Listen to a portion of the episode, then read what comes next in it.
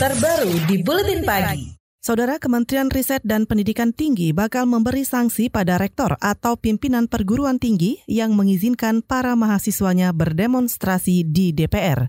Menteri Pendidikan Tinggi Muhammad Nasir mengatakan, sanksi itu ditujukan untuk para rektor yang terbukti mengerahkan mahasiswanya berunjuk rasa menolak rancangan undang-undang kontroversial juga kepada rektor yang tidak bisa menghalangi mahasiswanya berunjuk rasa ke gedung DPR Senayan. Nanti akan kita lihat nanti sanksinya ini gerakannya seperti apa dia. Kalau dia mengerahkan nanti dia akan dengan sanksi yang dalamnya sanksi keras yang kami lakukan. Sanksi keras yang kita lakukan ada dua. Bisa dalam hal ini peringatan lah itu pertama SP1, SP2. Lah kalau memang dalam hal ini sampai menyebabkan kerugian pada negara dan semuanya, ini bisa tindakan hukum. Rektornya yang saya Nanti dosen adalah nanti rektor yang bertanggung jawab. Menteri Riset dan Pendidikan Tinggi Muhammad Nasir bahkan menyebut akan memidanakan rektor yang mahasiswanya melakukan tindakan merugikan negara ketika berunjuk rasa.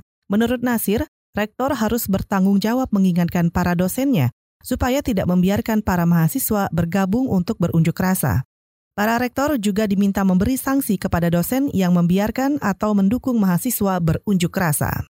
Sementara itu, para pimpinan perguruan tinggi memprotes rencana pemberian sanksi kepada rektor dan dosen yang tidak bisa menghalangi mahasiswanya berunjuk rasa ke gedung DPR Senayan, Jakarta. Wakil Ketua Dewan Pertimbangan Forum Rektor Indonesia Asep Saifuddin menilai langkah Menteri Pendidikan Tinggi itu terlalu berlebihan. Asep mengatakan gerakan mahasiswa muncul atas dasar naluri pribadi. Kalau ada rektor yang menggerakkan mahasiswa untuk ke DPR, saya sih tidak setuju ya. Tetapi bagaimanapun mahasiswa itu kan tentunya ada keinginan untuk bergerak. Itu sih memang nalurinya mahasiswa kan. Tetapi tentunya sebagai rektor, pengarahan aja sebaiknya. Jangan melakukan suatu tindakan yang bersifat anarkis. Saya juga tidak bisa menahan kalau mahasiswa turun ke jalan itu uh, sejauh itu tidak anarkis tentunya tidak bisa ditahan. Wakil Ketua Dewan Pertimbangan Forum Rektor Indonesia Asep Saifuddin juga mengklaim seluruh rektor tidak pernah menggerakkan mahasiswanya berunjuk rasa. Asep yang juga menjabat Rektor Universitas Al-Azhar Indonesia ini juga yakin para rektor sudah mengimbau mahasiswa agar damai dan santun ketika berunjuk rasa.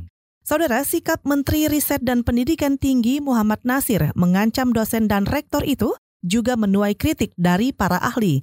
Pengamat pendidikan dari Institut Teknologi 10 November, Surabaya, Daniel Rosid menyebut Menteri Muhammad Nasir melanggar konstitusi. Menurut Daniel, jika Menteri Pendidikan Tinggi memberi sanksi pada rektor dan dosen, berarti tidak memahami tugas sebagai menteri. Dan ancaman Menteri terbukti tidak efektif sangat tidak efektif kan. Tadi saya kan mengikuti tadi Mbak, saya terjun langsung di lapangan tadi.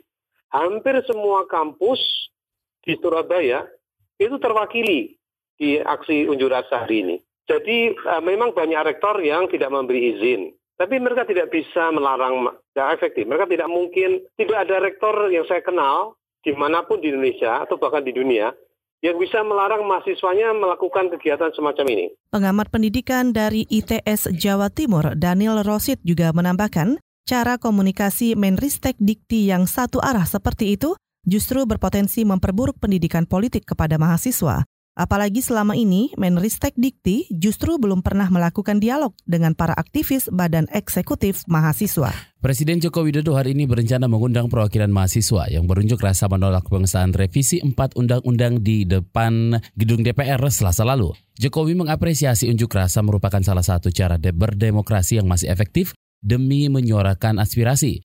Jokowi juga berjanji akan mempertimbangkan semua masukan para mahasiswa terhadap Undang-Undang KPK yang baru dan sejumlah RUU bermasalah lainnya.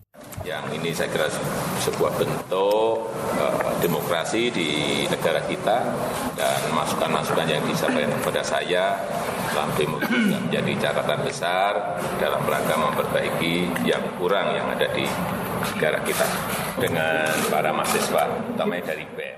Presiden Jokowi juga menyatakan penghargaannya kepada mahasiswa yang berunjuk rasa demi menyampaikan sejumlah aspirasinya termasuk menuntut pembatalan Undang-Undang Komisi Pemberantasan Korupsi yang baru. Meski begitu, Jokowi mengingatkan aksi unjuk rasa tetap tidak boleh sampai anarkis, apalagi merusak fasilitas umum dan merugikan masyarakat. KBR, inspiratif, terpercaya.